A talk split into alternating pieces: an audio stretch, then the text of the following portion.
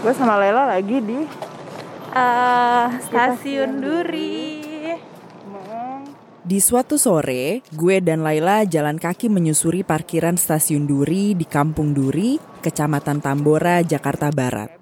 Suara kereta dan azan maghrib bersaut-sautan mengiringi langkah kami.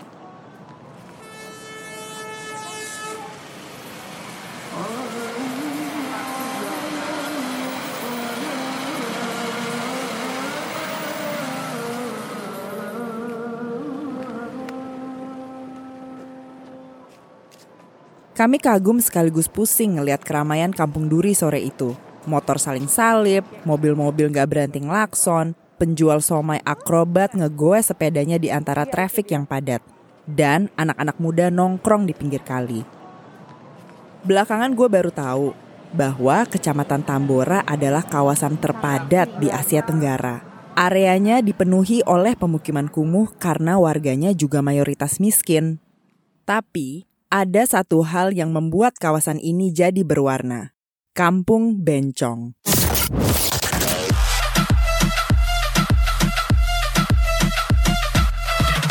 Gue Dara, gue Laila, and this is Kejar Paket Pintar.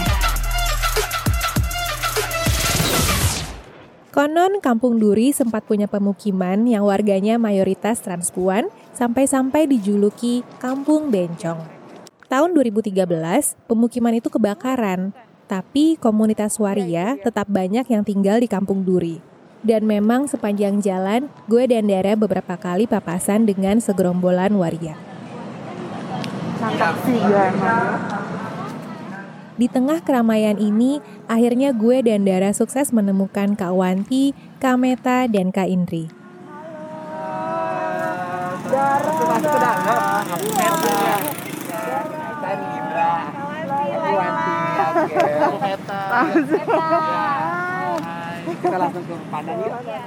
Mereka bertiga adalah para transpuan warga Kampung Duri dan juga anggota Sanggar Seroja, sebuah kelompok kesenian yang anggotanya kebanyakan adalah transgender. Kita sekarang lagi di stasiun Duri, OTW ke rumahnya Mama Ata untuk Arisan Seroja. Arisan Seroja. Kita suara-suara ini ya. Sore itu, kami memang janjian dengan Kak Wanti, Kak Meta, dan Kak Indri untuk sama-sama ke rumah Mama Ata, anggota senior Sanggar Seroja. Di sana, geng Seroja akan arisan bulanan bareng. Dari stasiun Duri, rumah Mama Ata itu udah dekat. Ya kira-kira cuma 5 menit jalan kaki. Menuju ke rumahnya, kami melewati pemukiman kumuh di ganggang sempit yang mengelilingi kali penuh sampah.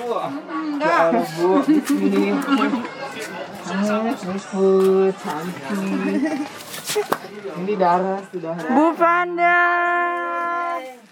Madam. Laila. Ini bawa kue. Walau dua tingkat, luas rumah Mama Ata cuma sekitar 5 kali 3 meter dan berdempetan dengan rumah warga lainnya.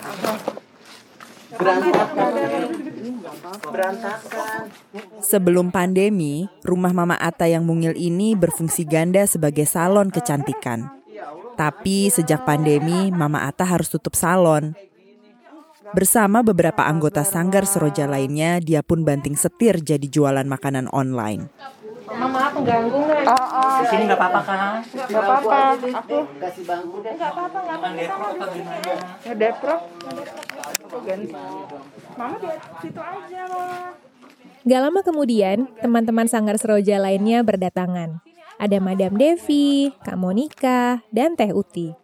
Mereka adalah para transpuan senior yang udah kenyang makan asam garam kehidupan. Mulai dari jual diri dan main judi demi bertahan hidup, terlibat narkoba, jadi juara bertahan kontes drag show, buka salon, sampai jadi catering kue untuk Anis Baswedan. Pokoknya semua udah dijalanin.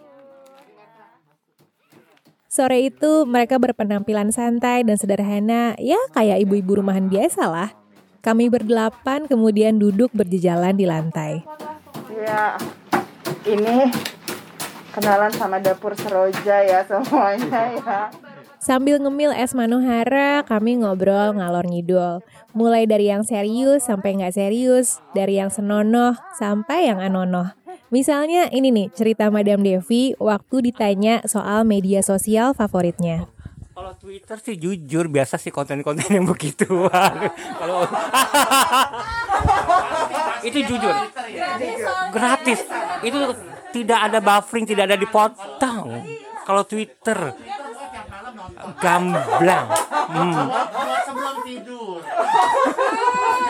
Hmm, bener kan? Gak munafik. Ember. Tinggal klik. Eh, aku sih sekarang suka iseng. Eh, misalkan kita ngomong bahasa bes, Kenti Gedong Twitter, itu klik ke keluar tuh, hmm bermacam-macam. Lo tahu nggak apa arti Kenti Gedong?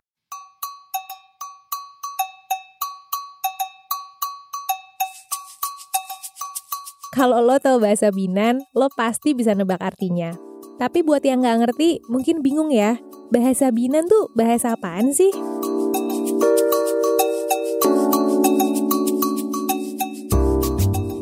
Binan sendiri adalah kata lain dari waria. Jadi bahasa Binan ya bahasa slang yang digunakan para waria.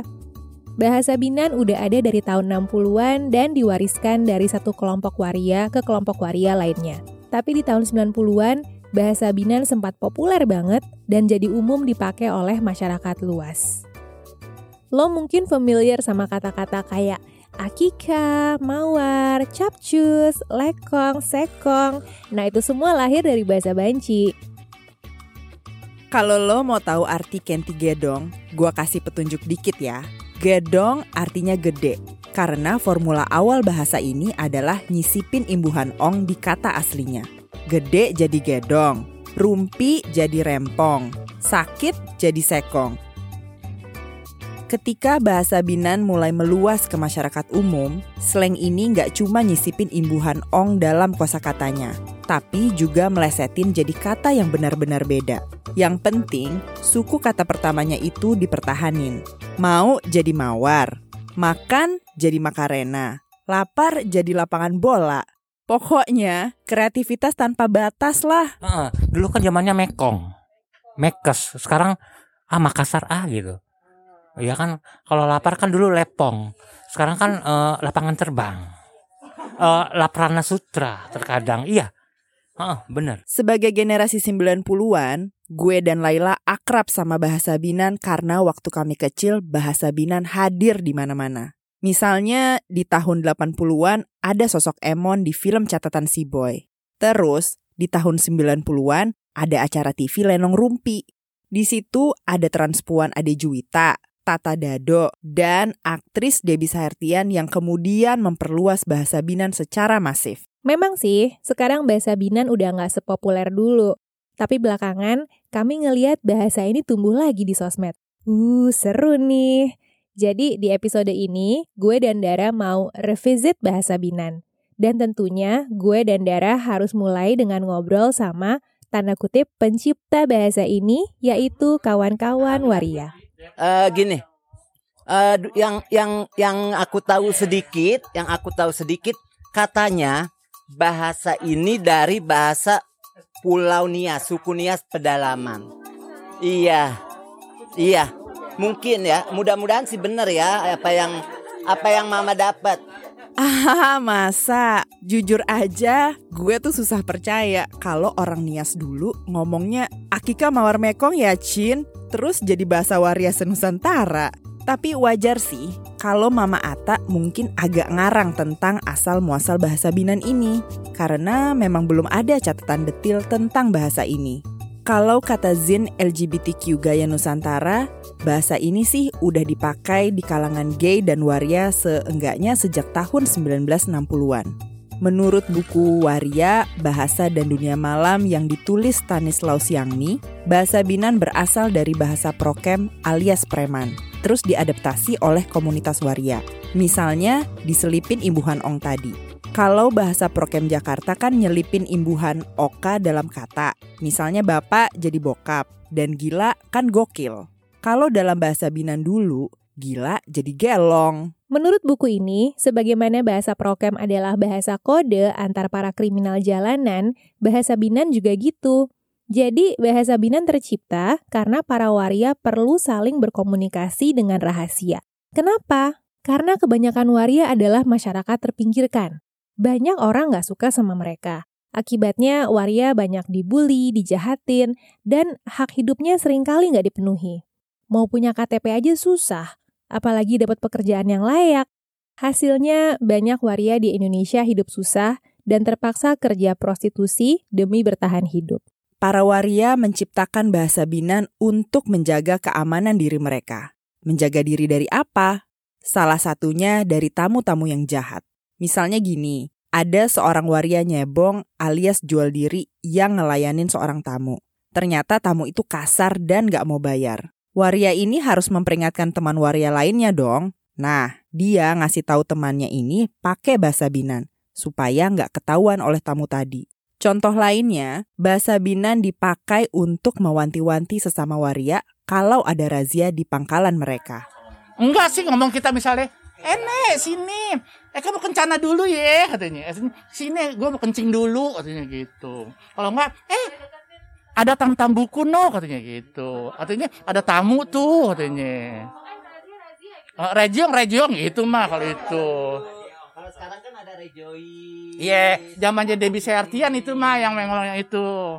Bahasa Binan juga lahir karena para transpuan pengen bisa bebas ngobrol di publik, termasuk tentang pengalaman seksual mereka. Loh, kenapa juga nggak pakai bahasa Indonesia ngobrolnya? Di Indonesia hari gini, mana bisa kelompok LGBTQ bebas cerita-cerita gitu?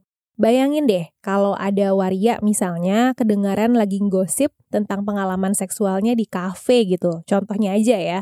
Wah, bisa-bisa digebukin. Apalagi kalau ada orang yang iseng ngerekam percakapan mereka, terus diunggah di sosmed gitu contohnya. Wah, bisa abis deh. Sementara kalau orang straight kedengeran lagi ngobrolin hal yang sama, mungkin masih dimaklumi. Supaya orang yang rahasia nggak ada yang tahu jadi tahu gitu. Jadi kelihatan gimana sih ya? ngomong kitanya rahasia dia nggak tahu kita ngomong gini kita ngomong gini dia nggak tahu gitu loh saling jaga rahasia aja itu mah uh, uh, jadi bahas bahasa kotor itu kan nggak ketahuan Oh untuk memakai bahasa kotor. Uh, kal jadi kalau kalau kita bahasa bahasa kotor kita lebih lebih aman. Ewita kalau nggak ngewes. Tapi teman-teman Sanggar Seroja nggak keberatan harus berbahasa rahasia antar mereka. Bagi mereka malah jadi lucu dan seru. Dan harus kami akui, bahasa Binan memang lucu dan seru. Kalau kalau kita misalnya di Tempong ya tempura. Dulu ngewong sekarang ewita. Kalau di tem tempura kalau uh, uh, kalau keluar itu klewong. Jadi kan bahasanya jadi manis sih kah? Dengar ya? Sekarang gue pakai pecat. Ya, jadi orang gak ada yang tahu kan. Nah, jadi anak kecil juga ah apa tuh apaan gitu sih ya. tuh ngomong apaan sih itu ya jadi nggak vulgar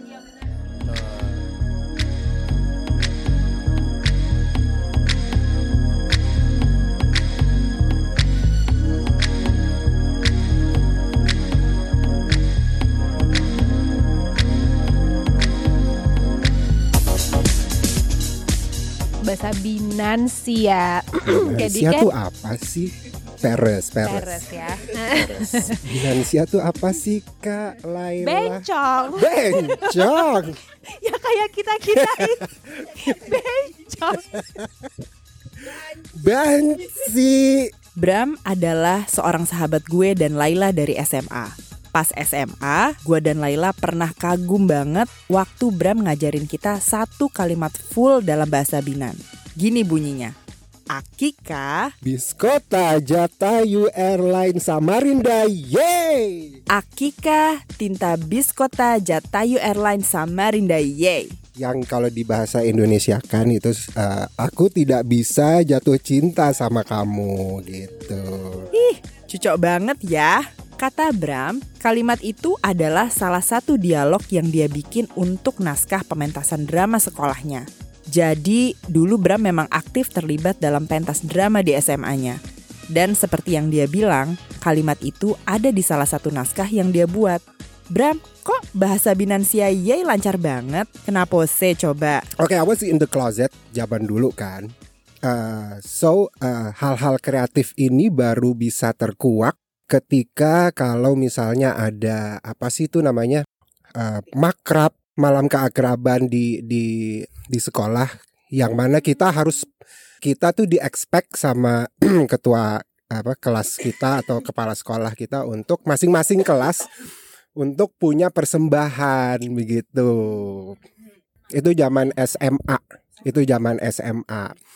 Nah di situlah gue merasa kayak oke okay, gue harus bersinar nih gitu. Iya show harus iya, harus manja kan di situ. Um, terus gue bilang sama teman-teman gue gitu, eh kita uh, harus perform nih gitu.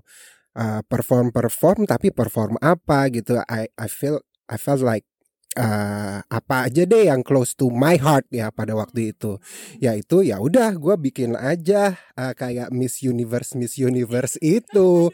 Dan gue harus gua, dan gue memang pengennya Miss Universe-nya tuh harus yang hancur amburadul. Jadi ngambilnya uh, teman-teman cowok yang teman-teman cewek gak boleh. Mereka harus di belakang panggung aja kayak mereka yang set up panggungnya mereka yang dandanin kita yang perform anak lanang semua begitu. Jadi waktu SMA, Bram belum sadar akan identitasnya sebagai LGBTQ. Tapi secara bawah sadar, dia udah ngerasa klop dengan subkultur LGBTQ seperti bahasa binan, drag shows, dan kontes kecantikan yang memang digemari banget oleh transpuan. Bram sendiri pertama kenal bahasa binan dari mana sih? Ya, gue kayaknya emang memang terpesona sekali sih dengan dengan kultur uh, bahasa ban banci ini gitu. Dulu itu uh, paling gampang sih dari dari TV dulu. Dulu kan sempat masih ingat uh, Lenong Rumpi. Nah, di situ kan mulai ada bahasa-bahasa kayak begitu. Seru dan oke okay lah banyak-banyak hal lain yang seru tapi nggak kita ikutin. Cuman kita pantengin doang. Tapi ini sesuatu yang bikin gue kayak gue harus mantengin dan gue juga harus praktekin. Karena bahasanya amat sangat kocak.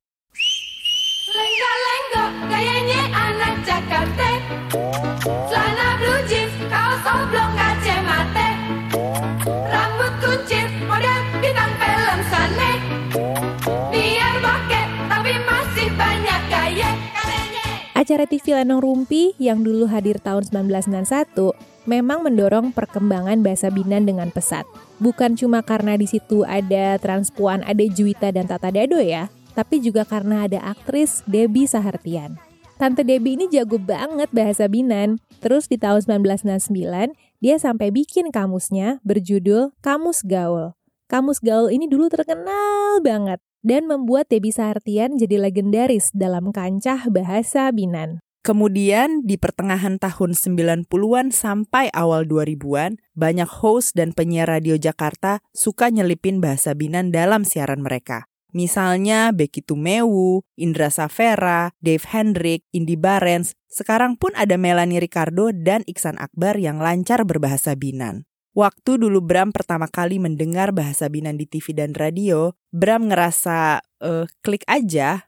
Menurutnya budaya queer itu memberikan perasaan belong baginya. Apalagi dulu itu Bram mungkin masih merasa terasingkan karena orientasi seksualnya. Ya kita kan selalu kayak pengen merasa diterima kan. Ketika kita memilih Uh, uh, iya, ketika kita uh, apa milih sebuah acara TV kayak begitu yang yang kita suka itu karena pasti ada alasannya kan gitu. Sih ya, itu dia alasannya ya karena kok kayaknya gue bilang to this uh, community nih yang yang digambarkan di uh, acara itu. Gue pribadi kecantol banget sama bahasa Binan karena bahasa ini seru banget. Soalnya bahasa ini kan performatif ya. Untuk berkomunikasi kita harus pakai gestur, mimik, dan intonasi yang tepat. Harus centil, harus manja, harus show. Gak bisa cuma mawar kemenong cin, tapi mawar kemenong cin. Dan kreatifnya itu loh, bisa-bisanya kata misalnya sepi diplesetin jadi serpihan mutiara retak. Kan kreativitas tanpa batas banget ya. Gue ngeliat Bram juga memanfaatkan bahasa Binan untuk berkreasi. Misalnya waktu kuliah, Bram suka iseng nulis cerpen komedi. Cerpennya sendiri lebih mirip kisah stensilan dengan tokoh utama waria penggoda bernama Macita Laipose. Ceritanya tuh kocak, jorok dan bocor banget. Dan tentunya banyak pakai bahasa Binan. Dan karena dulu Bram belum bisa come out dengan leluasa, mungkin karya begitulah yang menjadi outlet Bram untuk mengekspresikan identitasnya. Dan itu gue bikin ingat nggak? Itu adalah zaman puasa juga nih kayak begini-begini nih gue bikin pas lagi ngabuburit. Ya kan ngabuburit tapi lamunan gue ada jorok, bencong pula gitu kan. Makin kayaknya jadi penghuni nerakanya tuh seribu persen gitu. Sampai akhirnya uh, apa? At the end of the story, which is uh, which was lah zaman udah mau mendekati Lebaran, akhirnya ya uh, gue bikin ceritanya yang udah mulai-mulai menyentuh Lebaran. Ketika itu Macita Laipose ya itu adalah uh, main karakter gue. Tetap nggak jauh-jauh dari wanita malam, penggoda lelaki uh, beristri, ya kan? Ya akhir-akhirnya dia minta ML, tapi ternyata Met lebaran bukan make love. Biarpun Bram fasih berbahasa Binan, bukan berarti dia bebas menggunakannya di pergaulan sehari-hari. Bahkan waktu dia udah come out. Salah satu alasannya karena menurut Bram, bahasa Binan tuh punya stigma yang kuat gitu. Termasuk dalam lingkungan LGBTQ sendiri.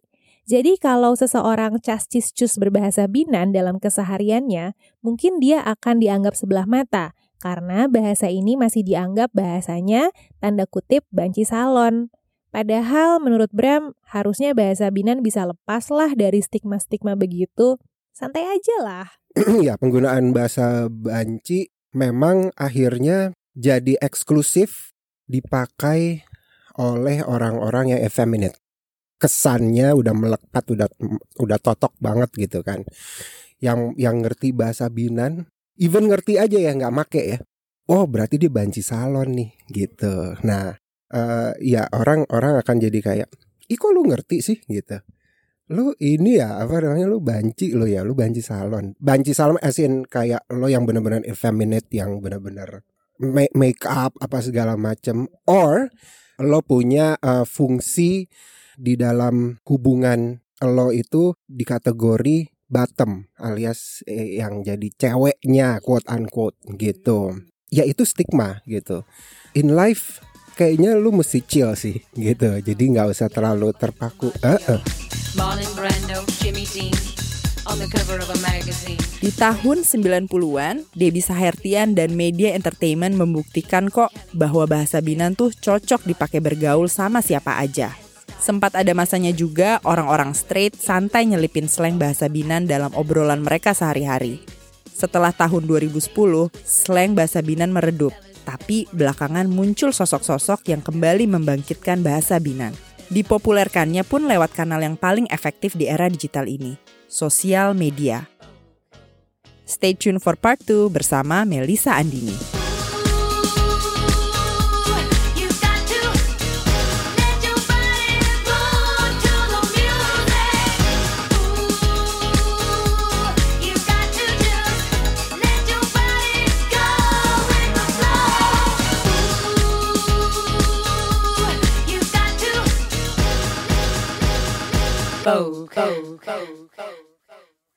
Selain gue, Dara, dan Bram, kami juga punya seorang sahabat bernama Melisa Andini alias Bolisa. Sebagai sesama generasi 90-an, dia juga akrab dengan bahasa Binan. Inilah Bolisa yang akan memperkenalkan ke lo seorang ratu bahasa Binan dari tahun 90-an.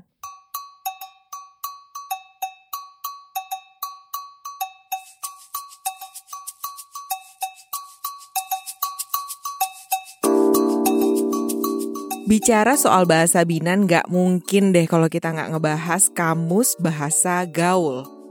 Jadi kamus bahasa gaul ini apa sih, Nek? Kamus Gaul ini adalah sebuah buku berisi kumpulan kata-kata bahasa Binan dan arti bahasa Indonesianya yang terbit di tahun 1999. Isi kamus gaul ini bahasa-bahasa Binan yang populer di masa itu, seperti akika, mawar, dan lain-lain. Tapi dikemasnya dengan judul Kamus Gaul. Kenapa? Karena kalau judulnya Kamus Binan atau Kamus Banci, udah pasti nggak boleh terbit atau malah jadi kontroversi. Tapi nama Kamus Gaul ini nggak salah juga sih, karena di tahun 90-an atau awal 2000-an, bahasa Binan ini memang populer di pergaulan artis. Akhirnya jadi merembet ke pergaulan masyarakat luas. Mulai pertengahan tahun 90-an, anak-anak muda di kota besar udah familiar nih dengan kata-kata seperti akika, mawar, ember, capcus, dan sebagainya. Pertanyaannya, siapa sih yang nulis kamus gaul? Dan kenapa sih nekat banget nulis buku yang nyerempet ke topik tabu, yaitu transgender? Dia adalah Debbie Sahertian. Dulu, Debbie Sahertian adalah model, pembawa acara, dan aktris. Tapi dia juga dikenal sebagai pemeran Marlena di acara TV komedi legendaris Lenong Rumpi. Dulu itu, Tante Debbie sahabatan sama Tata Dado, yaitu seorang presenter dan komedian yang sering tampil sebagai perempuan. Nah, ceritanya di suatu hari di tahun 1997, Tante Debbie dan Tata Dado ceritanya syuting nih di Medan. Dan mereka memperhatikan nih obrolan para waria di sana. Mereka mikir, kok bahasanya seru banget ya? Jadi aku sebenarnya kalau mau e, bicara pertama kali aku dengar emang waktu itu aku lagi kebetulan ada acara ada show ke Medan. Teman-temanku kan juga banyak tuh yang yang apa namanya yang waria gitu yang jadi aku kan bergaul sama mereka gitu. Jadi pertama kali itu ngomongin soal rahasia-rahasia itu lebih kepada orang-orang yang cakep ngomongin orang. Jadi misalnya orangnya ada di sebelah kita situ, tapi kita kan gak enak kalau kita ngomong, ih dia gini-gini kan. Takutnya dia ngerti atau dia tahu dia ngomongin. Jadi kita ngomongin desesai gitu. Cakra birawa gitu. Jadi sebenarnya awalnya memang bahasa rahasia untuk ngomongin orang. Sampai di Jakarta, Debbie Sahertian memutuskan untuk ngumpulin semua kata-kata bahasa Binan yang sering dipakai dalam pergaulan untuk diterbitin jadi sebuah buku. Cara ngumpulinnya manual banget loh. Jadi selama setahun, Tante Debbie tuh literally nongkrong di tempat-tempat nongkrong pergaulan nih. Dan literally nyatet semua kata-kata yang menarik satu persatu di buku notes. tahun tahun 9899 ya waktu itu ya itu proses aku ngumpulin tuh sepanjang tahun itu.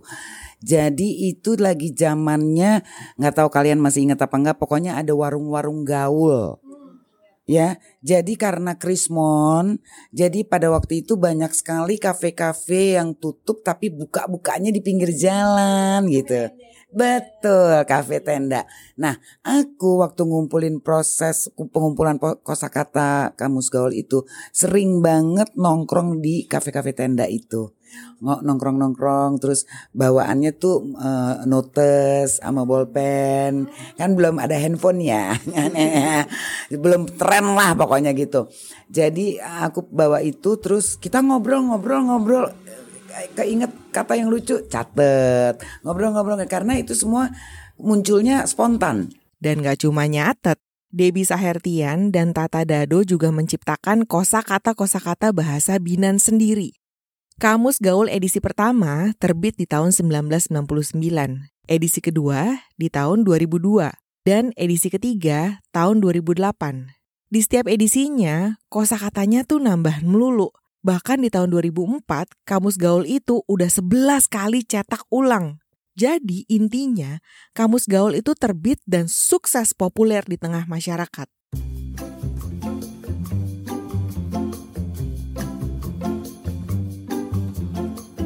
Tapi setelah tahun 2010-an, kepopuleran bahasa Binan itu meredup.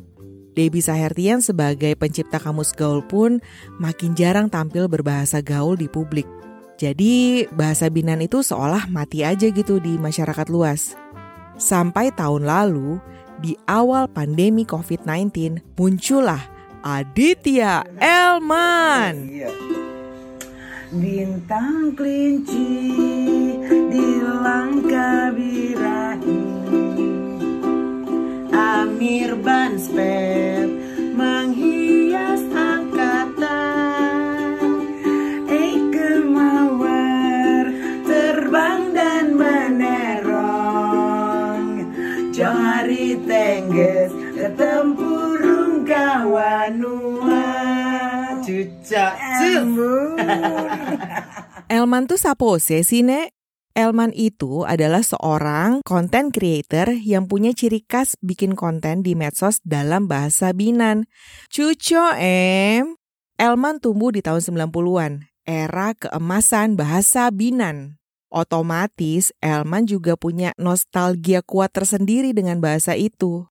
Dulu, Elman pertama mendengar bahasa Binan itu dari om dan tantenya, yaitu Om Gusti Randa dan Tante Nia Paramita, yang dua-duanya bekerja di bidang entertainment. Eh, jadi waktu itu sempet sempet gini waktu itu aku masih tinggal di Medan. Waktu itu mereka main-main ke Medan terus udah gitu tante Mita bilang kayak ih Eka mau mawar Makassar eh Eka mawar terus udah gitu aku mikir apaan sih nih? Gitu.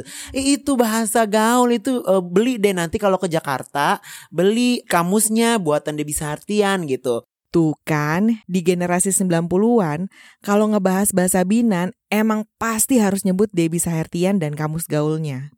Selain dari om tantenya, sebagai generasi 90-an, Elman pun ngikutin Lenong Rumpi di layar TV. Makin akrab lah Desa dengan bahasa Binan. Nah Eka kan dulu juga nonton Lenong Rumpi Terus pokoknya Eka suka tuh namanya Titi DJ Desa ya kan Terus udah gitu kayak eh mau. Namanya Debbie bukan Desa. Diana Papilaya Dia maksudnya. Iya kan? Nah terus udah itu akhirnya Aku aku pas ke Jakarta Udah pindah ke Jakarta waktu itu Belilah gitu Aku baca. Nah di sana kayak Oh iya nih lucu. Aku nggak kepikiran Kalau itu adalah bahasa Binan dulu Atau bahasa Banci gitu. Lulus SMA, Elman kuliah di Belanda. Terus Desa kerja deh di sana lanjut. Jadi selama 10 tahun nih, Desa udah nggak ikutin lagi nih perkembangan bahasa slang di Indonesia. Tapi, meski kepopuleran bahasa Binan kemudian meredup, bahasa itu selalu dekat di hati Elman. Tahun 2020, pandemi COVID-19 datang. Karena bosen nih di rumah aja, Elman iseng-iseng lah bikin konten TikTok pakai bahasa Binan. Seri videonya bernama Latihan Listening Bahasa Bencong. Ternyata jadi viral guys. Aduh Indang tempurung apos kawa Eko tekotek deh. Bentukannya serambi begindang.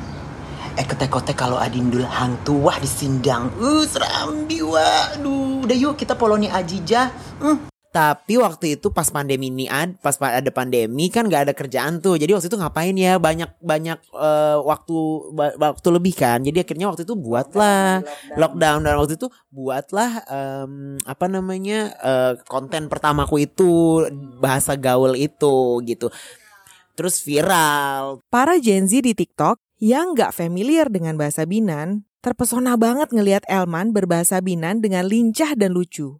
Ujung-ujungnya, followers Elman di TikTok pada nyuruh dia bikin kamus bahasa Binan. Elman bilang, Wah, tidak bisa Fernando. Karena ya kamusnya emang udah ada sejak 20 tahun yang lalu, yaitu Kamus Gaul Ciptaan Debbie Sahertian. Karena mungkin anak generasi Z nggak tahu kan bahasa ini adalah bahasa gaul. Mereka taunya bahasa ini bahasa salon gitu kan. Dan pernah ada kamusnya. Orang-orang pada please buat kamusnya gitu. Nah, iya di TikTok banyak banyak sa- sampai akhirnya kayak agak annoyed gitu, kayak annoying banget. Aduh, kenapa sih kamusnya udah ada? Padahal aku- dan udah udah satu-satu juga Eke balesin komennya. Terus udah kayak gitu akhirnya ya udahlah gue buatlah ini apa namanya eh, konten di TikTok aja biar semua orang lihat kalaupun masuk FVP biar orang gak nanya lagi bikin kamusnya karena itu udah aduh tiap kali bikin kamus bikin kamus kan gitu.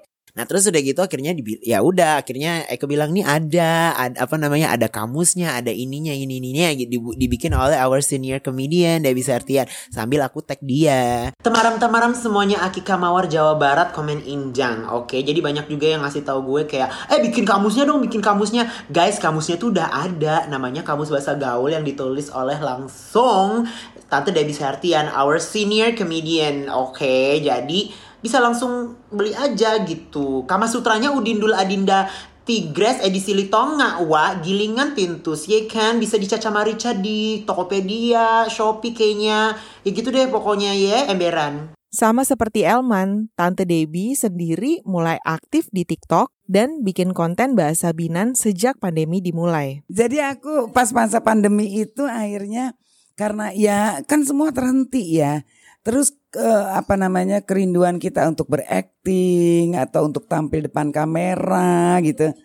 Emberan kan mesti sadar kamera kan ya. Ini udah lambret nih kayaknya alat makeup Eke juga utuh terus ya. nggak dipakai-pakai. Iya kan, nah, ya ilah nih lockdown sampai kapan juga nggak jelas gitu. Ya udah terus pas ketemuan sama ponakan-ponakan, tante bikin TikTok, udah ada TikToknya tapi belum ada isinya, gue bilang gitu. Ya udah bikin bahasa gaul yuk, yuk, yuk, yuk gitu. Jadi bikinlah aku eh, apa bahasa gaul ala Debbie Sertian cek gitu. Karena Elman ngetek Debbie Sahertian di video TikToknya, Tante Debbie jadi ngenotis Elman nih. Terus akhirnya jadi kolaborasi bikin talk show di YouTube dengan bahasa Binan. Namanya Delman Go alias Debbie Elman Bergol. Hai hai, kita Eke Debbie, Eke Elman, RT 5 dari studio Paris,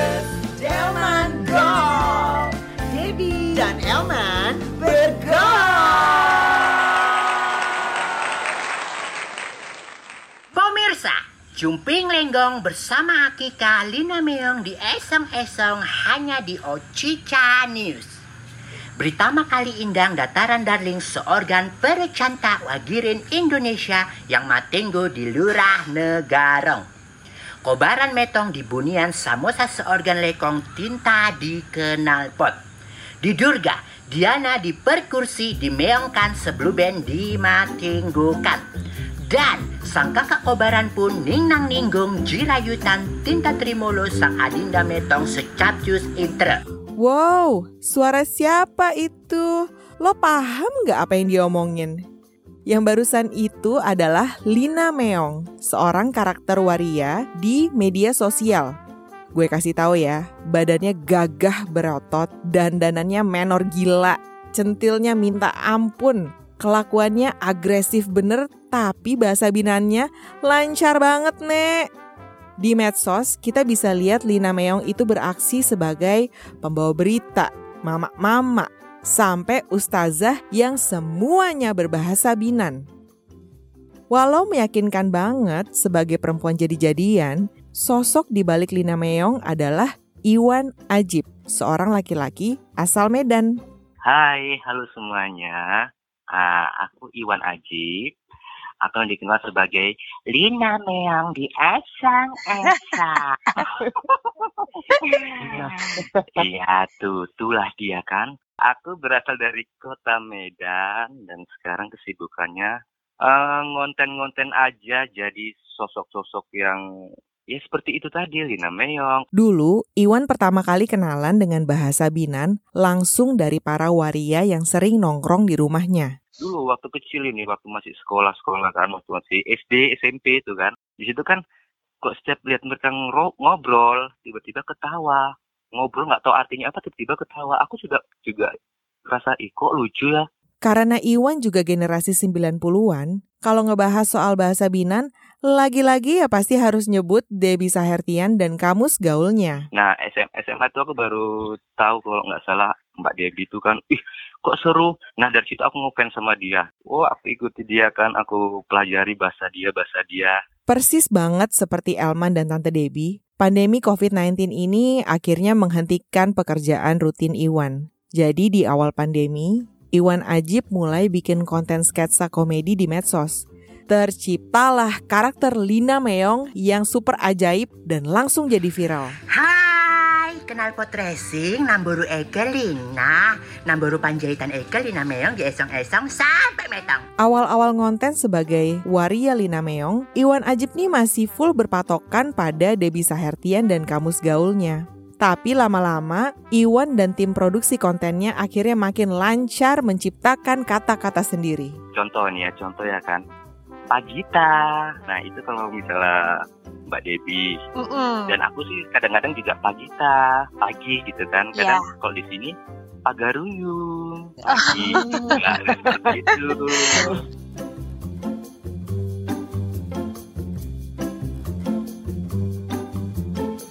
Seperti cerita Dara di awal, dulu bahasa Binan adalah bahasa rahasia antar waria, sampai lama-lama jadi identitas mereka. Kemudian di tahun 80-an 90-an, teman-teman waria dan feminine gay mendapat ruang berkarya di dunia entertain alias dunia entertainment. Jadi, mereka aktif tampil di lenong, kabaret, film, dan juga di TV. Misalnya nih ya, dulu ada tokoh namanya Emon yang ngondek banget di film Catatan Si Boy. Dan juga ada Tata Dado dengan kelompok drag queen-nya The Silver Boys.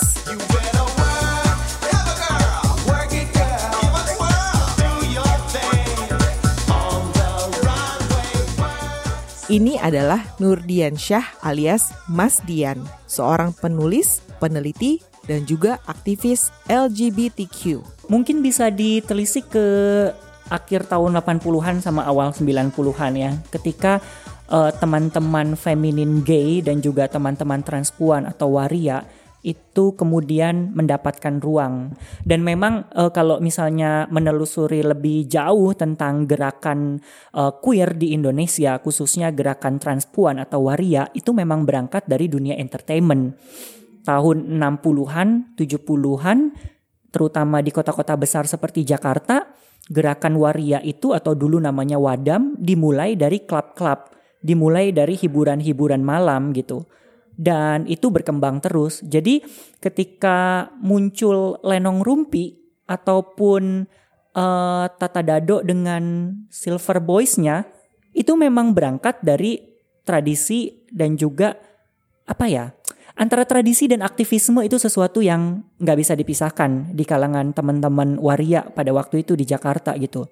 Memang mereka uh, berjuangnya lewat hiburan Dan wajar kalau budaya queer atau ngondek itu sukses di dunia entertainment. Karena yang mereka sajikan tuh emang kreatif sih, penuh emosi, sangat show, dan juga very very extra. Pokoknya menghibur banget deh. Kalau aku selalu ngelihatnya pokoknya teman-teman eh, apakah itu teman-teman waria, apakah itu getok semuanya selalu mereka yang menonjol sekali adalah kreativitasnya. Jadi mereka punya kekurangan tapi mereka juga punya kelebihan gitu aja. Jadi yang menonjol di, sekali di mereka kreativitasnya eh, lucu. Lucu tuh bu- bukan bukan dalam arti physically ya, tapi eh, apa namanya pemikiran-pemikirannya gitu. Itu aku eh, kasih apresiasi gitu untuk mereka untuk soal itunya gitu. Di puncak kejayaan bahasa Binan, sekitar pertengahan sampai akhir tahun 90-an, bahasa ini mulai dipakai nih sama sosok-sosok di media massa. Misalnya, para penyiar radio seperti almarhum Indra Safera, Dave Hendrik, Indra Herlambang, Melanie Ricardo, dan juga Iksan Akbar. Sementara di TV tahun 2000-an ada almarhum Olga Syahputra dan Ivan Gunawan. Bahasa Binan pun akhirnya jadi makin berkembang di kalangan anak muda. Sehingga literally akhirnya jadi bahasa gaul. Eke, Melanie Ricardo, you are dude, ade. Aduh. Coba. Aduh itu bahasa apa aku nggak? Aduh. Alemong ya, Wak. Gue mau dikasih sanitizer di mulut. Malu sama BB krim lu, say. Kami setuju sama Debbie Sahertian bahwa bahasa Binan itu emang lucu, seru, dan juga emang bikin suasana jadi cair sih.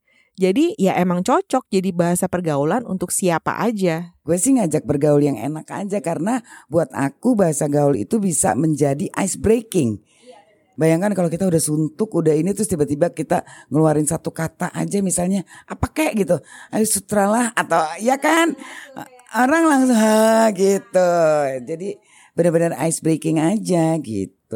Mas Dian ngerasa kamus gaul ini emang oke banget untuk mengakrabkan bahasa Binan ke masyarakat luas. Debbie Sahertian pun dianggap memberi kredit kepada Waria dengan baik.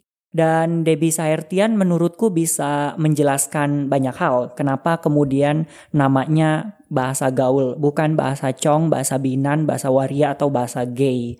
Dan aku ingat karena aku masih punya bukunya, itu kata pengantarnya pun menegaskan soal itu sebagai bagian dari uh, komunitas queer ya disebut itu sebagai bahasa Binan dan lain-lain. Dan Debbie Saertian juga menjelaskan dengan sangat rinci gitu. Kelompok waria juga maklum kok kalau judul buku Debbie Sahertian harus jadi kamus gaul, bukan kamus bahasa banci misalnya. Tujuannya supaya buku ini bisa masuk ke masyarakat.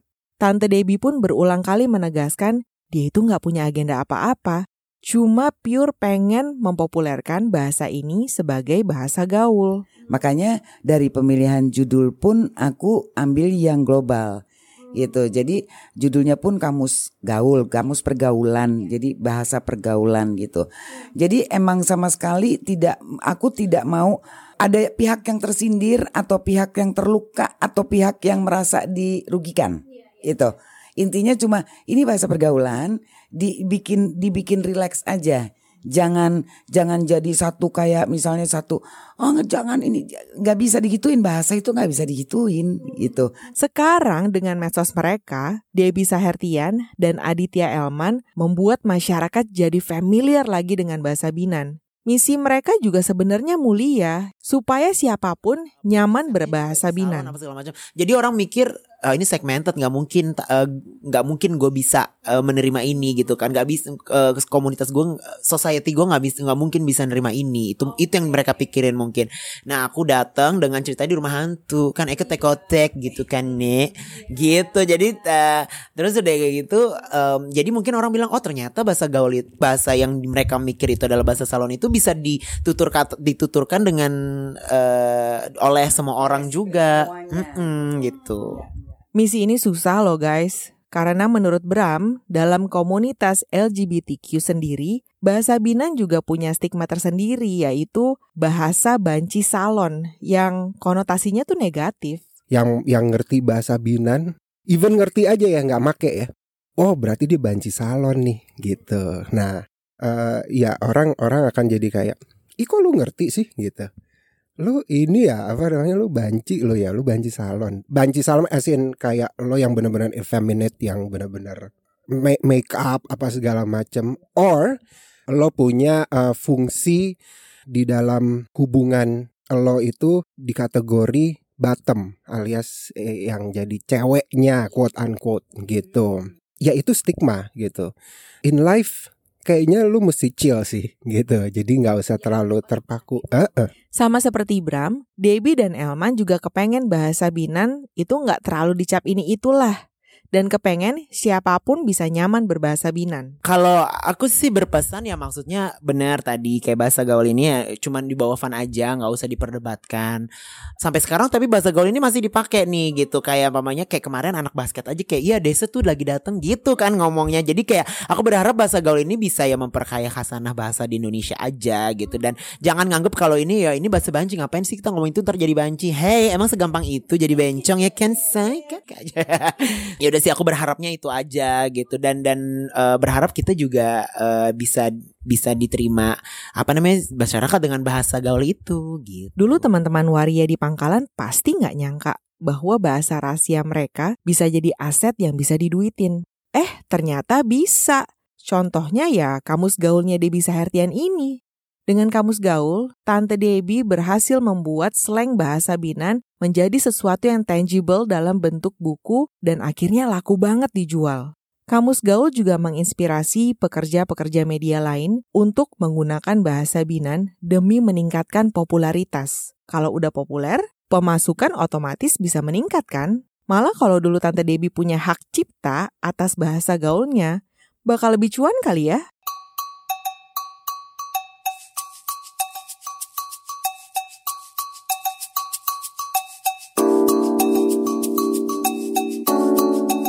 Ya, meski sekarang udah nggak sepopuler dulu, bahasa Binan tetap bisa mendatangkan keuntungan dalam bentuk likes, views, dan juga follows yang tinggi. Di era medsos gini, tiga pengukuran itu kan bisa jadi currency ya. Jadi, kalau ada konten berbahasa Binan jadi viral, nilai akun dan pembuat konten itu jadi naik. Berbagai produk bakal berbondong-bondong mendekati si pembuat konten untuk dijadikan brand ambassador lah, ngajak kerja sama endorsement lah, dan sebagainya. Terus, kalau kontennya viral banget, bisa aja si pembuat konten diajak tampil di media lain. Akhirnya, value dia pun jadi semakin naik lagi. Elma sendiri ngalamin hal ini. Ini kayak bahasa gaul ini menurut aku adalah sebuah kayak stepstone kayak apa batu loncatan aku gitu. Yang tadinya cuman nyanyi-nyanyi doang sekarang bisa kayak orang ngundang kayak buat fashion retail yang kayak gitu-gitu. Eh, atau enggak kayak kayak yang tadinya nggak bukan bukan foodies bukan vlog, food vlogger tapi disur, di, di, diundang gitu ke opening apa opening apa yang kayak gitu sih Eh, terbuka banget dan adanya kita bikin bikin konten lagi collabs lagi collabs dengan yang lain juga kebuka kebuka lagi gitu. jadi kayak ini open opportunity aja buat aku gitu Eh, Elman. Yes. Emang lu kerajaan apa sih? aku sebenarnya eh, Harimau, nyanyi. harimau, Aku hari- penyanyi. sih? Aku penyanyi aku nyanyi sebenarnya Dia gitu. Sutri Adindus Leges, mah. Udin, penyanyi Udin. juga, mah. Udah ada penyanyi- Elman ini benar, penyanyi kafe, penyanyi. dia nyiptain lagu juga, dia produserin sendiri. benar benar gitu Mandiri ya, man. benar thank you Iwan Ajib juga mengalami hal serupa. Berkat konten Lina Meongnya, Iwan jadi mendapat berbagai tawaran kerjasama dan endorsement. Ah, Alhamdulillah sih memang ya dibilang luar biasa luar biasa juga sih sebetulnya ya kan. Eh, dari dampak corona yang katanya orang aduh ambiar nih gara-gara corona gitu ya kan. Iya. Ad- Dengan ada sosok Lina itu jadi kok ini jadi macam rezekiku di sini gitu loh. Jadi ya itulah tadi dibilang eh, dampak dari corona Kalau bahasa Binan bisa meningkatkan kesejahteraan bagi sekelompok orang, gimana dengan kelompok waria yang terpinggirkan? Pencipta bahasa Binan kan mereka ya, maka bisa nggak sih mereka juga ikut mendapatkan keuntungan material dan non-material juga seperti halnya Debbie Sahertian, Elman, dan juga Iwan Ajib? Jangan-jangan sepopuler apa pun bahasa Binan, mereka akan terus terpinggirkan. Jangkar kemandang-mandang ya, Nek. Izinkan Eka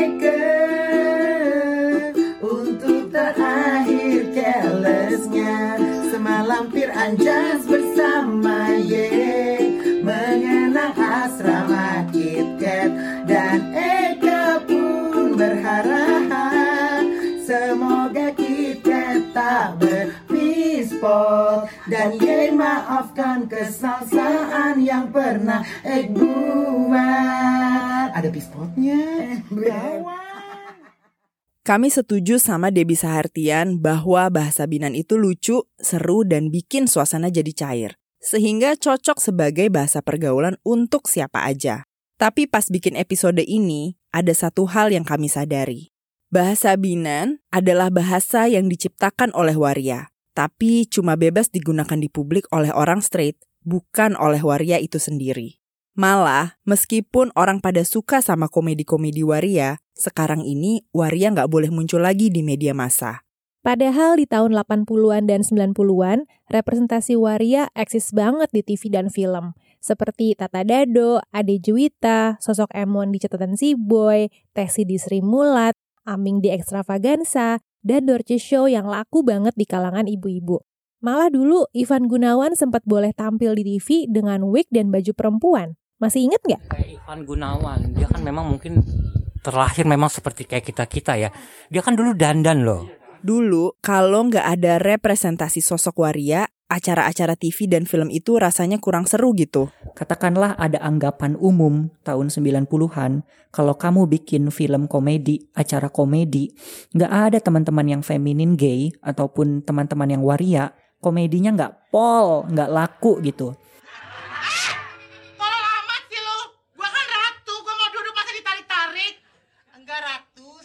waktu dulu tuh saya kerjanya di Matador. Emang gua banteng? Hah? Kurang ajar lu ya. Kipasin gua coba. Segar. Bicara tahun 90-an, waktu kecil, gue pernah diajak sama sepupu-sepupu gue yang udah lebih besar untuk naik mobil ke Taman Lawang malam-malam. Di tahun 90-an, Taman Lawang tuh adalah salah satu tempat populer di Jakarta untuk para waria melakukan nyebong alias jual diri, termasuk teman-teman dari Sanggar Seroja. Setiap satu minggu sekali itu harus ke Taman Lawang sama dia.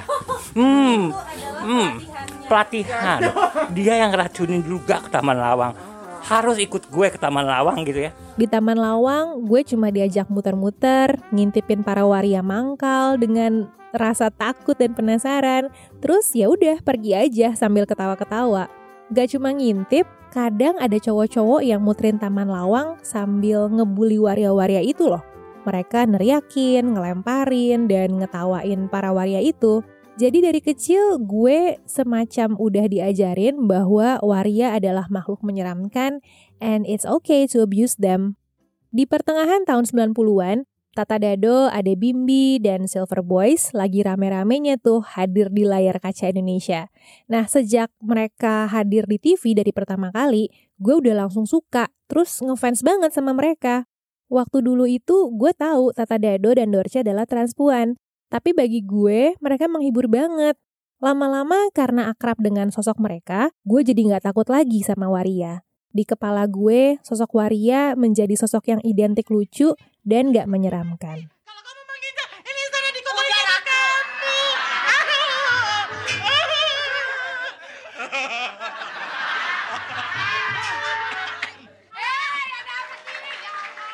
Apakah berarti Tata Dado dan kawan-kawan sukses membuat masyarakat jadi lebih menerima waria? Ya, penerimaannya mungkin semu ya. Karena meskipun dulu ada representasi sosok ngondek di media massa, sampai sekarang waria masih jauh banget dari mendapatkan hak asasi. Sampai sekarang mereka masih sering di-abuse. Tapi dengan kehadiran Tata Dado, Dorce, dan kawan-kawan dulu, seenggaknya image para transpuan sempat membaik.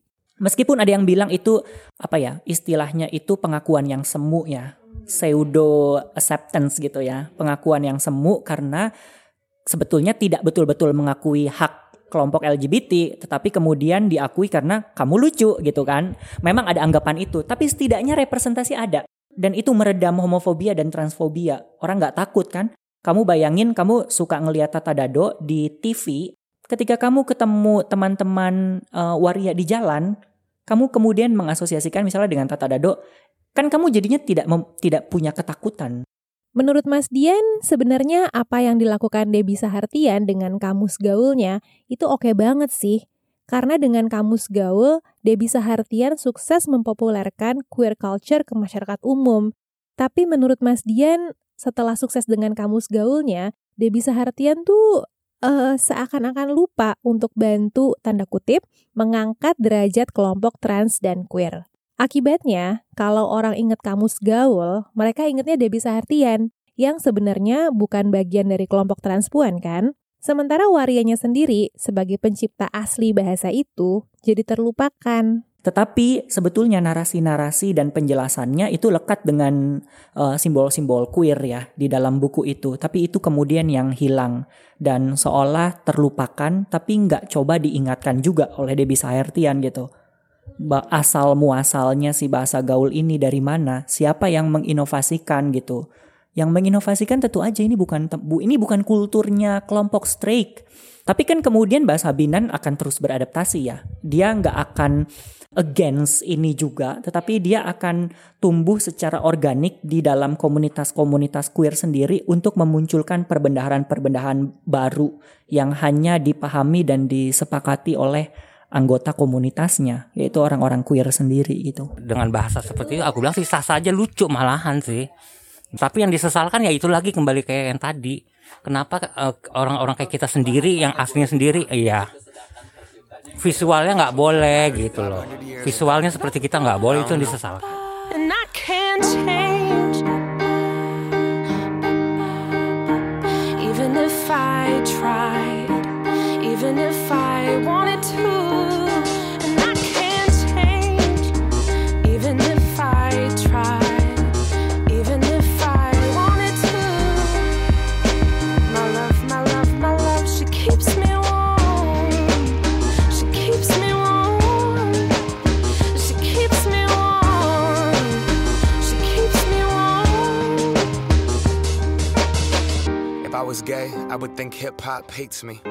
Sekarang ini, mayoritas kelompok trans dan queer ditekan banget dengan gelombang konservatisme yang besar. Jangankan untuk bisa punya hak asasi. Hate comment di sosmed untuk mereka pun luar biasa. Tapi menurut Mas Dian, Debbie Sahertian, juga pekerja media heteroseksual lain yang mendapat keuntungan dari kebudayaan waria ini belum menunjukkan kesadaran yang signifikan untuk bantu para waria yang gak berdaya. Misalnya, mereka pernah dukung awareness soal LGBTQ nggak? Supaya teman-teman transgender nggak mendapat hate crime. Kemudian yang sekarang mau dilihat, apakah oh, upaya-upaya yang dilakukan, upaya-upaya populer juga di media sosial yang dilakukan oleh Debbie Sahertian dan Elman punya hubungan yang positif dengan homofobia, bifobia, dan transfobia yang terjadi di Indonesia. Itu kesadaran yang perlu dimiliki oleh teman-teman yang mempopulerkan bahasa Binan sebagai sesuatu yang populer. Apakah mereka punya kesadaran dengan situasi opresi yang dialami oleh teman-teman? Karena kita tahu saat ini Indonesia situasinya lagi sulit dengan banyaknya penggerbekan. Ujung-ujungnya sekarang bahasa Binan cuma bisa dipakai dengan tanda kutip aman oleh orang-orang straight. Ya, terus emangnya kenapa? Gue kasih perumpamaan ya. Jadi misalnya ada seorang fashion designer Amerika bikin satu koleksi baju memakai kain batik asli Jawa. Ini ngayal aja ya. Terus dia fashion show dan sukses menjual koleksi bajunya tanpa pernah menyebutkan bahwa kain yang dia pakai adalah batik Jawa. Nah, kalau lo orang Jawa, apa perasaan lo? Bisa aja lo bilang, nggak apa-apa, gue bangga kok batik Jawa jadi bisa mendunia. Ya sah-sah aja sih, ini yang terjadi pada Iwan Ajib. Menurut dia, para waria justru senang Iwan Ajib bikin konten-konten Lina Meong, meskipun Iwan sendiri bukan waria. Uh, mereka justru banyak yang bilang ke aku, banyak yang DM ke aku, bahkan ada yang cara langsung nyamperin aku, bilang jadi kaya banget sekarang semenjak Lina muncul, bahasanya jadi kaya, jadi bermacam ragam. Tapi balik ke contoh awal, lo bisa juga sebel karena si desainer Amerika itu memanfaatkan dan mengambil keuntungan dari kebudayaan yang bukan miliknya. Semacam kayak, kalau curang sih? Harusnya kan uh, transpuan yang mengerti bahasa itu. Yang menciptakan malahannya. Kenapa bukan transpuannya yang dipakai gitu loh. Malah orang lain gitu yang bukan dalam konteksnya dia bisa pakai bahasa itu gitu loh kenapa bahasanya boleh dipakai gitu sedangkan penciptanya nggak boleh ditampilkan gitu loh. Sampai sekarang tuh belum tahu intinya kenapa nggak boleh masuk. Kenapa? Katanya itu katanya uh, apa ya?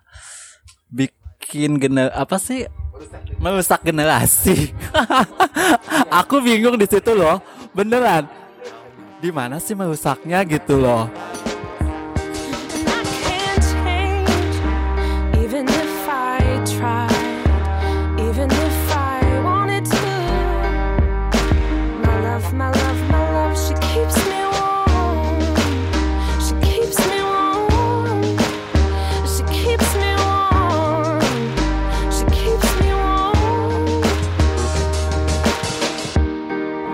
play, don't press pause.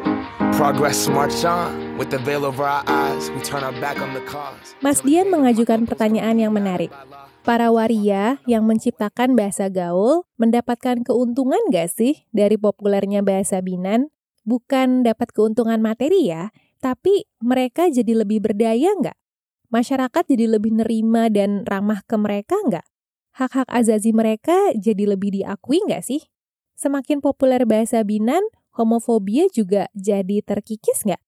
Dari obrolan kami dengan Bram, Mas Dian, dan teman-teman Sanggar Seroja, rasanya sih enggak ya. Menurut gua lebih ke nggak ngaruh sih.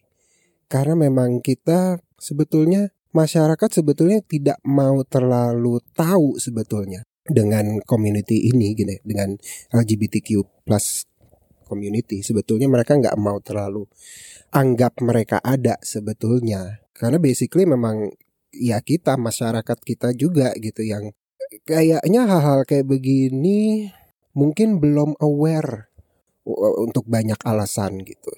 Yang jelas salah satu alasannya yang mentereng banget ya kalau kita ngelihat waria di jalan kita nggak akan merasa iba gitu kan.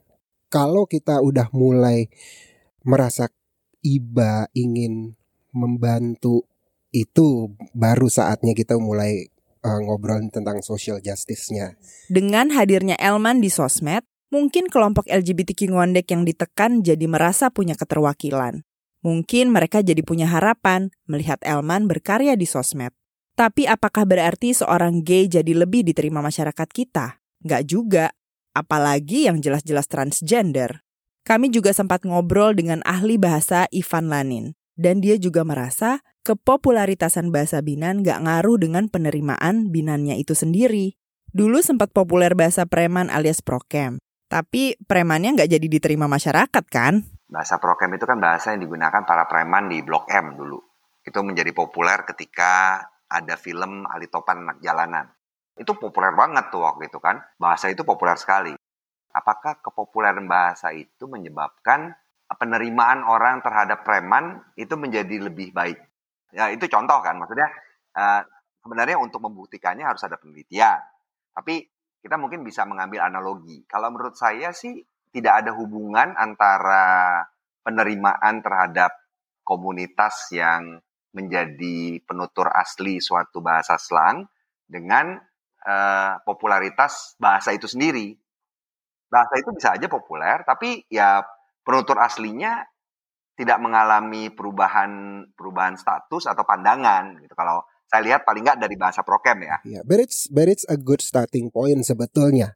At least tahu dulu betul betul dan sebetulnya sama dengan banyaknya awareness yang diciptakan uh, sosial media oleh uh, Gen Z juga ya yang yang dulu-dulu mungkin generasi dan generasi orang tua kita kayak nggak tahu nggak kepikiran gitu kan. Tapi kan it it started from perbincangan dulu kan gitu dari so ngobrol dulu gitu